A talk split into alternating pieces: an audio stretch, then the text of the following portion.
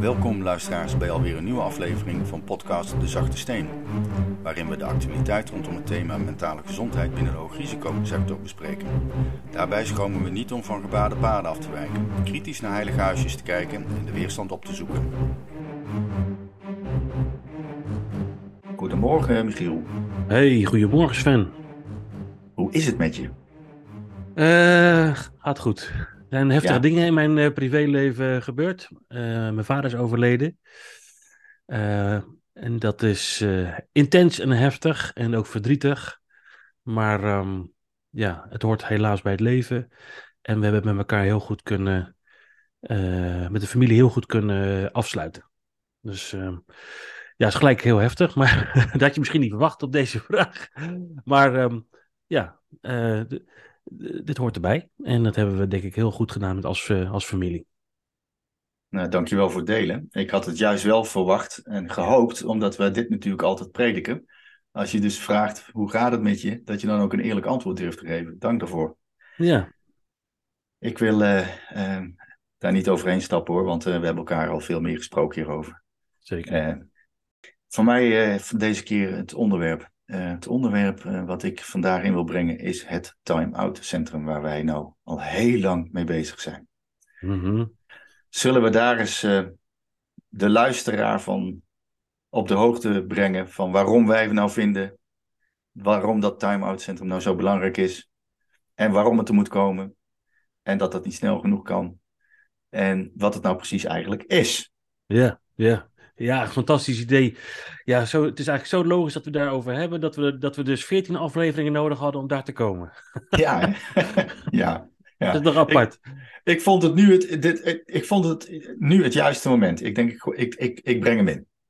Ja, want jij bent van de week ben jij in de vaste Kamercommissie geweest. En heb jij als, volgens mij als adviseur eh, veteranenzaken, eh, heb je dit ook genoemd. Klopt dat? Ja, klopt. En daar heb ik, eh, ik, ik was uitgenodigd door eh, de vaste Kamercommissie voor Defensie van de Tweede Kamer om eh, samen met andere sprekers eh, over de veteranennota eh 2000, eh, wat is het? 22, 23 eh, te spreken. En ehm, ja, daar, daar mocht ik het verhaal doen vanuit, vanuit de praktijk. En een van de dingen die ik daar ook aan stipte, was het onder de aandacht brengen van die time-out faciliteiten die wij voor ogen hebben en voor die acute crisisopvang. En hoe dat, dat dan in de praktijk geregeld is. Eh, nou, het was een hele mooie meeting. Eh goede vragen, veel interesse vanuit de, de aanwezige Kamerleden. Ik heb het als heel waardevol ervaren en als, en als heel dankbaar dat ik daar het verhaal eh, mocht vertellen. Maar dat sluit aan bij, bij hetgeen wat we nu bespreken, dat, eh, time-out centrum. Hè, waarin wij natuurlijk de veteranen in beginsel, maar straks breed de hoogrisicoprofessional, eh voor een korte periode kunnen, kunnen opvangen om tot rust te komen eh, en te werken aan herstel. In samenwerking met allerlei andere organisaties die daar ook verantwoordelijk voor zijn. Ehm, en, en wat we, voor mij ook heel belangrijk is, dat we die crisisopvang, die noodsituaties goed kunnen inregelen. Ja, jij hebt daar ook een heel duidelijk beeld eh, bij en je kunt er heel goed over vertellen. Dus ik zou je willen uitnodigen om dat eens aan de luisteraar nou eens goed duidelijk te maken van wat, wat zijn onze ambities nou? Wat, wat willen wij Nou nou bereiken? Nou ja, het idee is, eh, kijk, het time-out centrum, het woord zegt het eigenlijk al. Dus het is inderdaad een, zoals ik het voor me zie, een, een plek eh, in het groen, in de natuur, in de, in de relatieve stilte van Nederland dan. Ehm, waar je inderdaad even tot jezelf weer mag komen. En eh, voor de ene is dat een wat langere weg dan voor de ander.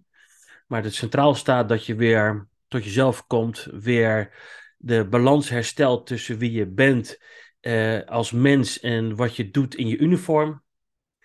En eh, dat het een plek is wat heel belangrijk is, wat, waar je gelijkgestemden treft. Mensen die ook hun sporen hebben verdiend in het, eh, in het eh, militaire veld of in het politieveld of eh, in die hoogrisicosector. Mag ik jij even onderbreken? Waarom is dat dan zo belangrijk, vind jij? Ja, dat is een cruciaal element.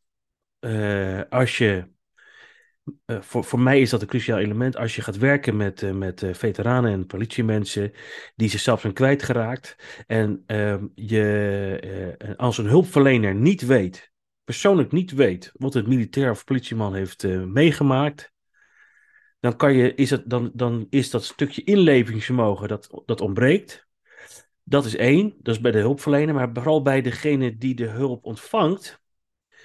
Uh, als je dan tegenover iemand zit die hetzelfde werk heeft gedaan, dan is er dan gelijk een stukje veilige basis. Is een stukje, is een stukje vertrouwen, er is een stukje veiligheid, een stukje uh, verbinding. En dat is zo belangrijk om dat te voelen, zodat degene die met een hulpvraag zit, dat die ook open kan gaan, dat die ook open durft te gaan. Want die weet gewoon, ik heb hier iemand tegenover me, die weet waar hij het over heeft, die heeft hetzelfde gedaan als ik. En hier kan ik mijn ziel en zaligheid aan prijsgeven. Ik vind dat, ik merk dat ook in mijn eigen coachpraktijk, dat als ze weten, want ik ben zelf ook marinier geweest, als er dan een marinier tegenover me zit, hebben we een heel, heel, al heel snel een heel open en kwetsbaar gesprek. Dus dat is voor mij heel cruciaal. Dat zit hem dan in het feit omdat je gedeelde ervaring hebt. Gedeelde ervaringen hebt.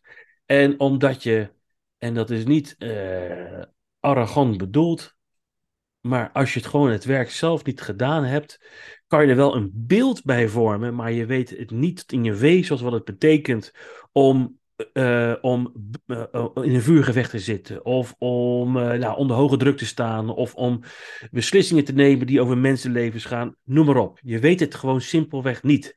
Je weet niet wat ook de cultuur is in zo'n organisatie. Je weet het niet hoe dat is om met elkaar in de shit te zitten en, en, en, en uh, ontberingen te moeten ondergaan. Je weet het niet. Oprecht niet. En kijk, ik ben ook alweer een tijdje weg bij Defensie en ik, en, en, ik, en uh, gelukkig weet ik het nog wel, maar soms moet ik mezelf ook weer even, word, word ik weer geconfronteerd met iets en denk oh ja, maar dat aspect was ik gewoon even weer vergeten. En ik zal een, ik zal een stom voorbeeld noemen. Uh, dat was afgelopen week. Toen gaf ik een lezing bij Defensie. En um, uh, aan 50 uh, officieren. En dat was een hele nou ja, lange lezing. En het was warm. En al die, al die 50 officieren, allemaal volwassen kerels van 30 jaar en ouder, zaten daar met allemaal een rood hoofd. En ze hadden het heel warm. En, want ze hadden allemaal hun jasje aan.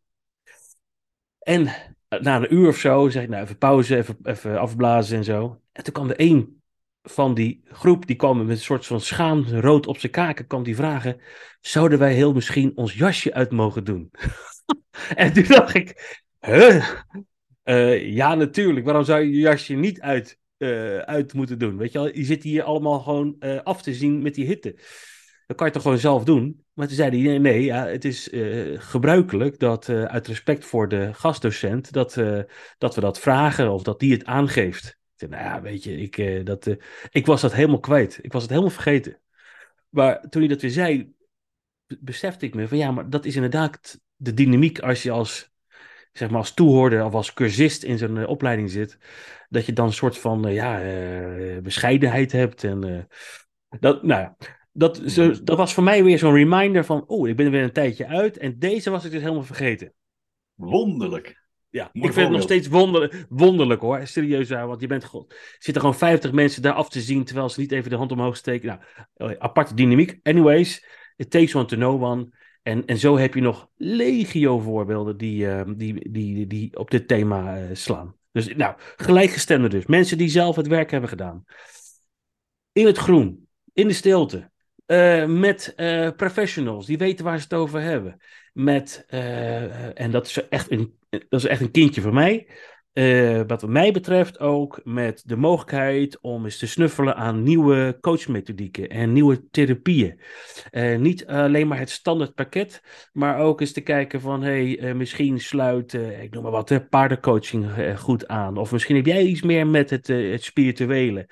Of misschien is voor jou in de natuur zijn en met een life coach aan de slag gaan prettig. En misschien is voor jou gewoon een gesprek met een, met een, met een psycholoog het juiste middel. Maar dat er een, een heel breed palet van hulplijnen beschikbaar komt om, om jou te helpen daar waar jij behoefte aan hebt. Met als kern, we brengen je weer terug naar wie jij bent als mens. We brengen je die balans weer terug. Uh, zo, ik ga geloof ik helemaal los. En dat komt omdat ik het echt heel erg. Uh, ik zie het echt als een bittere noodzaak. dat er zo'n time-out mogelijkheid. Uh, beschikbaar komt voor mensen die elke dag uh, voor ons in die frontlinie staan en hun eigen veiligheid riskeren voor de veiligheid van anderen. En nou, dan zit er nog een aspect aan dat time-out centrum, zeg maar, bij, waar jij met name, denk ik, uh, iets over kan zeggen. En dat is, kijk, want wat ik nu schets is, zeg maar, voor de, voor de, voor de militair nog in dienst, voor de veteraan die uh, ergens tegenaan loopt. Maar je hebt ook een groepje die in een crisis belandt. En die acuut hulp nodig heeft. Nou, volgens mij kan jij daar iets over zeggen. Zeker, zeker. Dat, uh, dat onderwerp heb ik afgelopen weken in de Tweede Kamer ook aangesneden. Je, ehm, je hebt eh, een aantal personen hè, die actief of niet actief dienend zijn, die om wat voor reden dan ook in, ineens vastlopen. Dat de stress zo hoog schiet dat het thuis helemaal gierend uit de klauwen loopt.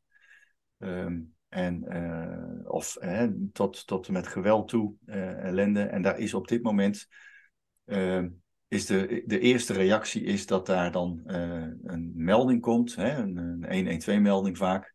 Dan is het zo vaak geregeld dat je in de, de, de, de basispolitiezorg, die gaat daar naartoe, die komt ter plaatse, die probeert de situatie in te schatten en te, deescaleren, te deescaleren. Uh, vaak eindigt het er dan mee dat de, de, persoon dan meegenomen wordt, aangehouden of niet, uh, uh, naar het politiebureau. En dan wordt daar de opvang, de eerste opvang gedaan. nou, hebben we het over veteranen bijvoorbeeld. Dan, ehm, dan is het zo dat, dat de politieagent vaak een beeld heeft bij een veteraan als zijnde. die is gevaarlijk, want die is getraind om te doden en die kan met wapens omgaan. En dus we moeten daar extra middelen inzetten om, om te zorgen dat wij in ieder geval zelf veilig zijn. Dus die druk wordt al enorm opgevoerd. En dan, in zo'n, dan, dan zit je meestal in zo'n ophoudruimte of in een politiecel. En dan blijkt dan dat het een veteraan is die in nood is. En dan wordt er een regionaal iets opgetuigd waarin er een regionale dienst ge, gealarmeerd wordt. En dan na verloop van tijd komt er dan een wildvreemde psychiater. Die komt dan beoordelen in hoeverre je, je, wat je gemoedstoestand is en hoe, hoe je eraan toe bent. Nou, vaak zijn die mensen dan onder de indruk van, of onder de invloed van drank en drugs, en of drugs. en dat doen ze als zelfmedicatie om die gevoelens maar te dempen, te dempen, te dempen. Die stress zit natuurlijk enorm hoog, want je wil het sowieso. Je hebt al een hele hoop stress in de vorige situatie gehad. Nu zit je ook nog eens onbedoeld op een politiebureau. al dan niet omdat je iets gedaan hebt. Uh, dus die stress is hoog. Het onbegrip van zo'n uh, psychiater is, uh, die, die wordt daar maar bijgeroepen. Die heeft geen, geen idee wat er door zo'n veteraan heen gaat en dergelijke. Moet dan ook maar een inschatting maken. Dus dat schiet allemaal niet zo op. En um, samen met collega Henry Spek, waar we ook het centrum hè, met, met, jou, met jouw vrouw Linda en Henry dat centrum aan het opzetten zijn, zijn we al jaren bezig van dat, dat kan anders. Want het is nergens goed belegd. Uh, en uh, Bram van der Dungen van uh, de politie, die, die er afgelopen week ook bij was, die had dat fantastische in initiatief, dat Nova-initiatief, wat hij opgetuigd heeft, van veteraan, politieveteranen, die dan bij zo'n situatie geroepen kunnen worden, omdat zij snappen wat die veteraan op dat moment nodig heeft. Ik hoorde jou daar straks zei, zeggen, it, it takes one to know one. nou, precies dat. Ja. En wat, wat, ik, uh, wat ik voorstel is dat, uh, en dat willen, wij, dat willen wij zelf gaan verzorgen, dat ehm, hoogopgeleide professionals, allemaal afkomstig uit de hoogrisicosector, een klein clubje gaan vormen die de crisisopvang eh, gaan verzorgen. Ehm, dus stel je voor, er komt een melding vanuit 112 dat er een eh, verwacht persoon, dat is het dan meestal, heeft thuis de boel weer kort en klein geslagen. Het gezin staat op straat, angstige kinderen. Paniek alom, politie komt erbij. Deescaleren, nemen, nemen het mee naar het bureau en daar blijkt dat het een veteraan is. of iemand werkzaam binnen de hoogrisicoberoepen. En die, die zit in zo'n acute nood dat het team van ons 24-7 beschikbaar is. Dat er één landelijk nummer komt, bel die mensen, die gaan er meteen op af. Die, specifieke doelgroep, die doen daar. Uh, die, die, die gaan daar te plaatsen en die gaan kijken wat die veteraan, in dit geval of die hoogrisico uh, professional, op dat moment nodig heeft. De beste zorg is. Takes one to know one, zorgen dat het rustig wordt. En in samenspraak uh, met, met de politie of met een andere instantie waar die zit op dat moment, dat je dan de juiste dingen doet op het juiste moment. En als het mogelijk is, dat je in overleg met, met de, de, de zegt van nou, wij, wij nemen hem voor de komende 24 uur mee naar ons centrum.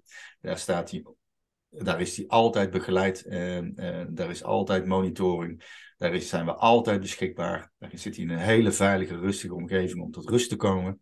En kunnen we samen met die meneer of mevrouw een heel goede inschatting gaan maken en een advies op gaan stellen van joh, ik, wij denken vanuit onze overleg samen en onze indrukken en onze waarnemingen en onze professionaliteit, dat we jou het beste op dit moment kunnen dienen door je in die richting naar de juiste zorg te, uh, te zenden. En dat dat crisisteam dus ook toegang heeft tot die zorg. Wat bedoel ik daarmee? Dat er harde afspraken gemaakt uh, zijn, dat er voorrang komt. Dus op het moment dat er zo'n melding komt, en stel je voor dat de meneer of mevrouw last heeft van PTSS, uh, en de nood zo hoog is dat, uh, en hij is nog niet in behandeling, dat wij met gespecialiseerde organisaties een afspraak hebben dat als wij bellen, dat zij weten van de, er is een acute nood nu.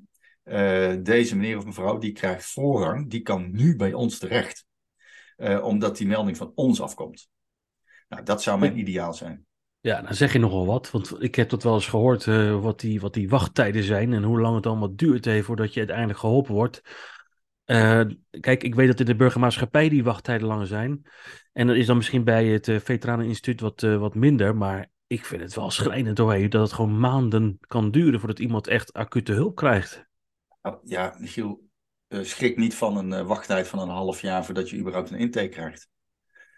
Is toch bizar? En daarom, ja, dat is ook bizar, maar dat, is, dat, dat kun je de organisaties niet zo aanrekenen. Dat heeft met vraag en aanbod te maken en hoe dat het ingericht is. En ook met financiering. Dat heeft met zoveel factoren te maken. Dat heeft absoluut niet met onwil te maken van de behandelaars. Absoluut niet. En laat me één ding duidelijk zijn. Ik heb vertrouwen in de kwaliteit van onze GGZ. In de breedste zin van het woord. Uh, want je, je, uh, daar werken ontzettend goede professionals. Zowel binnen Defensie als daarbuiten. Uh, maar die aansluiting, die mis ik wel voor onze veteranen, voor die hoogrisicoprofessional. Precies wat jij zei, hè? dat je, it takes one to know one, dat je die ervaring moet hebben. Wil je dat vertrouwen winnen, uh, dat, ze, dat ze openen, dan is het van, van wezenlijk belang dat ze weten dat ze die, die behandelaar kunnen vertrouwen uh, en dat ze zich begrepen voelen. Nou, ja, ja. Binnen ons netwerk zijn zoveel psychologen die gekwalificeerd zijn, maar ook psychiaters bereid om zich voor ons in te zetten. Dus mijn ambitie op dit moment is om op de achtergrond heel hard te werken om dat hele netwerk zo in te gaan richten dat je vrij gevestigde uh, psychiaters, psychologen hebt die meteen inzetbaar zijn en die een behandeling kunnen opstarten. En die zijn gewoon big geregistreerd, die mogen dat gewoon doen, uh, volgens alle richtlijnen.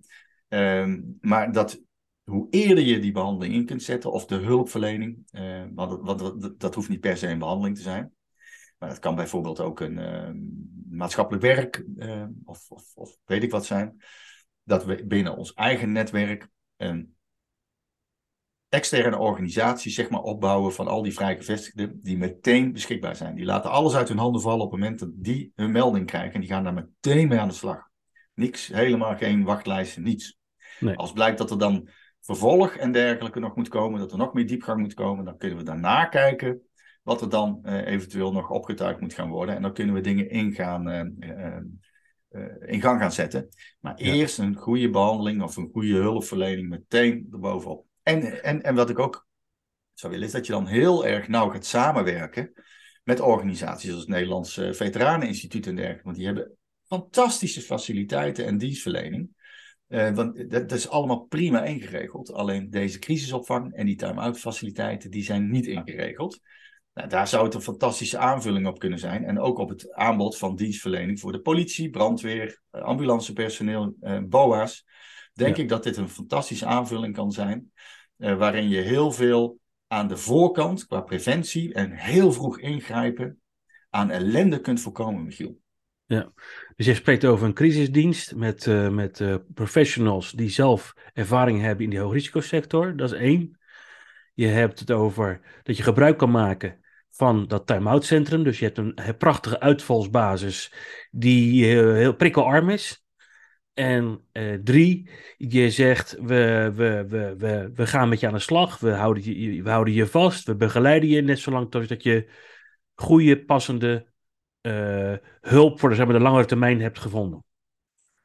Dat in combinatie zeg maar, met dat time waar ook nog anderen gebruik van maken, namelijk de actieve militair, de actieve uh, politieman of vrouw, de veteraan die voelt van oeh, ik heb ik, mijn, emmer loopt, loopt wat vol.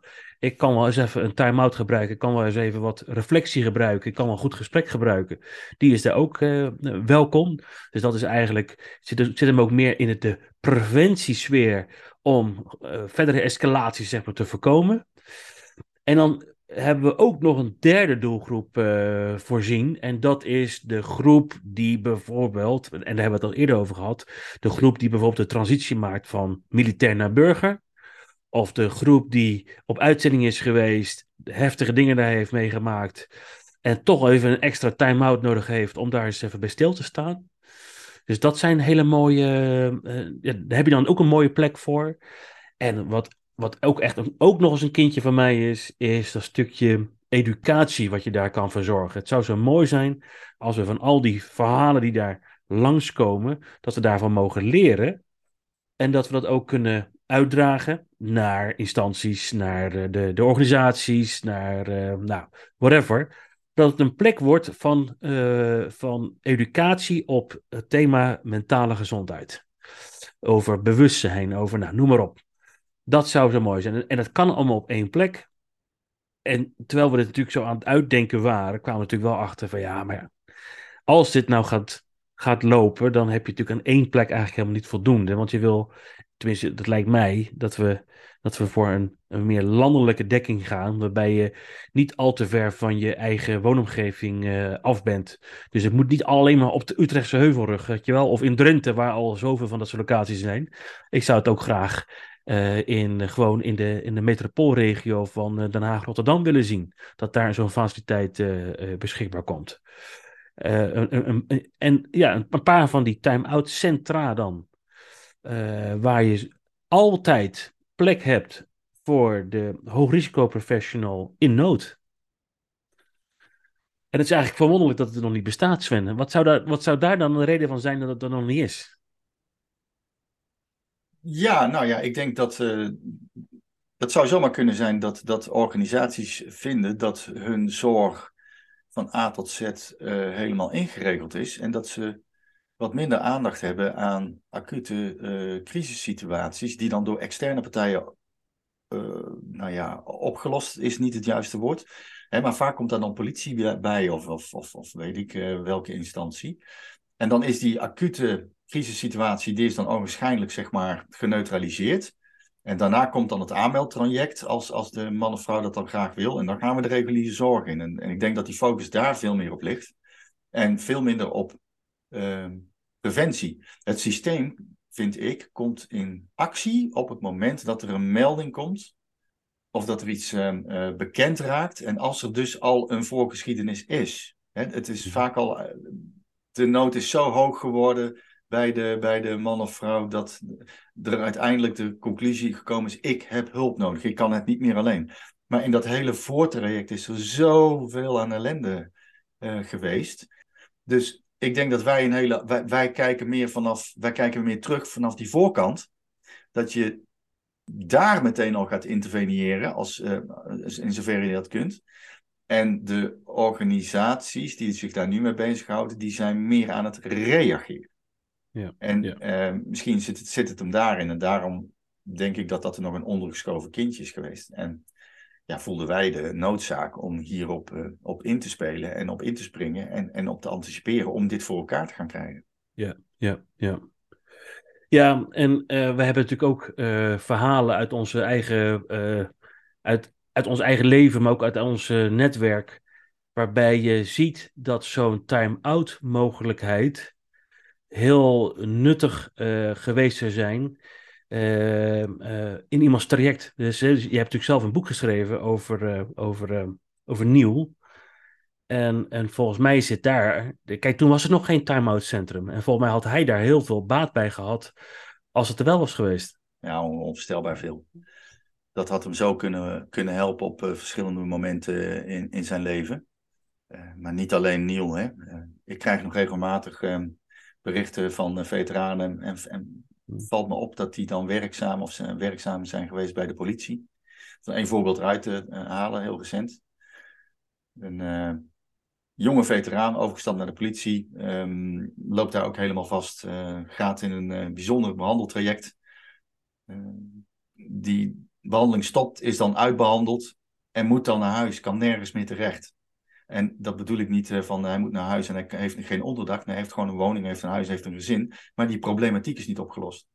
En dan loopt dan, die stress loopt dan zo hoog op dat ze mij bellen van Sven, doe er iets aan. Ik ja, ik ben met handen en voeten gebonden. Dat kan niet. We hebben, dus ik probeer hem door te geleiden naar het NLVI. Hè, want ik kan hem niet dwingen. In de hoop dat hij dat dan maar doet. En, en ehm, eh, omdat ik vind dat het NLVI eh, daar ehm, eh, fantastische dingen voor kan doen. Hè, die zijn daar echt voor geëquipeerd. En, ehm, maar goed, wat zie je dan? In zo'n moment, zo'n time-out, om even dat gezin te ontlasten en die prikkels weg uh, en hem uit die omgeving halen voor een hele korte periode en eens even te gaan zitten. Jij bent dan zogenaamd uitbehandeld, wat in mijn beleving gewoon niet bestaat, uh, met psychische klachten. Dan um, om de tafel met die, met die man in dit geval en eens gaan kijken, oké, welke hulpvraag heb je nu eigenlijk? En, en op basis van die hulpvraag en die behoeften is een heel goed overzicht binnen, binnen het hele zorgspectrum en de juiste loketten, de juiste hulpverlening in gang kunnen zetten. Met hele korte lijnen. Daar is zo'n time-out om even tot rust te komen. Even, even, even geen stress aan je hoofd, een heldere blik weer met professionals. Kalmte, kalmte, kalmte. En dat is er nu niet. Dat is er nu niet. Nee, ik had uh, nou echt een paar weken geleden nog een appje van een veteraan die echt net de dienst uit is. Met de vraag aan mij van, joh Michiel, weet jij toevallig nog daar en daar een, een, een kamer of een huis wat ik kan huren? Want ik sta op straat. Want ik heb een hoop gedoe gehad thuis. veilig thuismelding ook. En het is goed als ik nu eventjes bij het gezin wegga. maar ik heb onderdak nodig. Nou, Um, dus ik ben natuurlijk voor hem gaan zoeken en gaan doen. En ik zei, waar slaap je nu dan? Ja, ik slaap nu bij, uh, bij buddies op de kazerne. Terwijl die al uit dienst is. Hè? Dus die, die, dat is gewoon een soort van noodoplossing geweest. En daar, uh, daar heeft hij weken heeft hij daar uh, gezeten. wel hij heeft ook een, een behandelaar vanuit het Veteraneninstituut voor zijn PTSS. maar die waren dus niet in staat om in, op korte termijn een plek van rust voor hem te creëren. Dus ik vroeg hem ook, uh, heb je goede hulp? Ja, ja, ja, daar was hij allemaal wel tevreden over. Ik zeg, maar waar, waar, wat heb je nou echt nodig? Michiel zegt ik ben er helemaal, gewoon helemaal klaar mee. Ik wil gewoon rust. Ik wil gewoon rust. Dus hij heeft zoveel stress van alles organiseren, van zoeken en doen, dat hij helemaal niet tot uh, herstel uh, in staat is. En ik denk dat hij was een, echt een ideale kandidaat voor dat uh, time-out centrum, waarbij hij dus en rust kan krijgen en uh, kan geholpen kan worden met zijn, uh, zijn PTSS-klachten, dus een soort toevoeging aan het traject waar hij op zit. En hij kan helder gaan nadenken over wat ga ik nou doen met mijn woning, met mijn gezin, wat is daarop nodig. Ja, en dan is het zo zonde dat je dat niet kan bieden, hè, dat het gewoon nog niet is. En dit is natuurlijk, het lijkt een beetje zo'n wc-eend verhaal wat we hier nu aan het opsteken zijn, maar dit is vanuit de echte, de, de, de goede intentie om omdat we zien dat we vanuit onze praktijkervaringen zien dat er gewoon behoefte hier aan is. En dat er zoveel uh, mannen en vrouwen uh, door dat, dat vangnet wat er gemaakt is, zeg maar, uh, met mentale klachten, dat die door dat vangnet heen glippen. En volgens ja. mij zou zo'n time-out centrum echt een heel mooie ja, manier kunnen zijn om dat vangnet wat, nou ja, het zal nooit waterdicht zijn, maar wel die mazen wat dichter te maken. Helemaal mee eens. Mooie aanvulling. Um, en dat schiet mij te binnen. Hè? Bram van der Dungen, die vertelde afgelopen eh, weken bij de Tweede Kamer dan ook nog vertellen, dat, die, uh, uh, dat, dat de politie zo ongeveer 400 meldingen van veteranen die in de problemen zijn gekomen, in aanraking komen met de politie. En daarvan, ehm, ik dacht, ik meen, en dan moet je me anders maar even terugkijken of dat ik het correct heb, maar zo'n 50 meldingen daarvan zijn dan ook gewelddadig. Op jaarbasis? Of, Op jaarbasis. Ja. Als ja. je dan ziet, hè, als we het alleen maar over deze doelgroep hebben, hè, eh, die veteraan die dan in, in aanraking komt met de politie. Ehm, eh, hoe fijn zou het nou zijn dat zij weten dat er een time-out faciliteit is waar ze contact mee op kunnen nemen, die meteen beschikbaar is, waar ze meteen terecht kunnen voor een korte periode, om even bij te komen, tot rust te komen, precies wat jij zegt. Dus om te deescaleren voor zichzelf in hun hoofd, maar ook voor hun omgeving en hun gezin. Waarmee je dus een heleboel ellende met politie, justitie en noem alles maar op kunt gaan voorkomen. Hoe fijn zou dat zijn? Die mensen horen toch niet in een strafrechtketen uh, terecht te, komen. stel je nou eens voor dat, dat, je, dat je kunt voorkomen dat jij in het weekend loopt de stress zo op uh, dat je de boel thuis helemaal kort en klein aan het slaan bent. Het gezin staat uh, al huilend in paniek. Uh, weet ik wat allemaal, politie komt erbij, dat voorbeeld. Maar dat jij al op woensdag voelt aankomen bij je gezin en je zegt van, oh, die stress die loopt zo op. Laat me alsjeblieft even met rust, uh, maak afspraak met het gezin. papa gaat even een paar dagen naar het time-out centrum tot rust te komen. Dan gaat het heel goed met papa of mama. En die komt na een paar dagen komt weer terug. En dan kunnen we gewoon vrolijk kunnen we met z'n allen weer verder. En dan hebben we nieuwe inzichten, nieuwe ideeën, misschien wel nieuwe uh, wegen tot hulp. Hoe fijn zou dat zijn? Ja, ja. Ja, nee, uh, weet je, het moet er gewoon gaan komen. En wij, wij hebben hier onze tanden ingezet en we gaan ook niet meer loslaten. Um, het is wel een, een complex project. Het, is, eh, het is natuurlijk duur en er zijn veel partijen bij betrokken. Ehm, maar uh, dat, dat schrikt ons niet af. en volgens mij ziet iedereen die noodzaak wel. En is het nu de kunst om al die lijntjes die er lopen, om die gewoon aan elkaar te knopen. En, uh, en te zorgen dat het gewoon gerealiseerd gaat worden. En ik, daar, hebben we heel, daar kunnen we allemaal niet alleen. Daar hebben we heel veel mensen bij nodig. En die hebben, we hebben ook een heel aantal mensen al gevonden die ons daarbij willen helpen. Daar ben ik ook heel dankbaar voor. Uh, dus het is nu gewoon uh, mouwen opstropen, Sven. En we gaan dit gewoon uh, realiseren. Ja, we zijn al een hele tijd bezig en ik sta er nog steeds voor 100% achter in. Het heeft ook mijn prioriteit en het krijgt al mijn energie en aandacht. Precies wat jij zegt, we laten niet los. Ik wil daar wel nog even aan toevoegen dat we, en dat vind ik ook heel belangrijk, met bestaande organisaties die al zoveel goeds kunnen bieden en dergelijke, zoals het NLV, hopen we toch echt die hele nauwe samenwerking. Ehm, op te kunnen zetten. En dat we een aanvulling zijn op hun dienstverlening. En ik wil zo benadrukken dat we, daar, dat we daar geen bedreiging voor zijn, maar juist een aanvulling en een samenwerkingspartner uh, willen zijn. Uh, om dit soort diensten uh, nou aan te bieden. Want ik denk dat, dat er zo'n enorme behoefte is. En ik denk dat je daar zoveel ellende mee kunt voorkomen aan die voorkant. Dus uh, fijn dat we dit hebben kunnen bespreken. En ik hoop dat de luisteraars daar ook uh, met plezier naar geluisterd hebben. En als ze ideeën hebben, kunnen ze altijd contact met ons opnemen. Alle hulp is welkom ook. Ja. Absoluut. Hey, nogmaals, dank je wel. En uh, tot de volgende keer, Michiel. Alright, tot de volgende keer, Sven.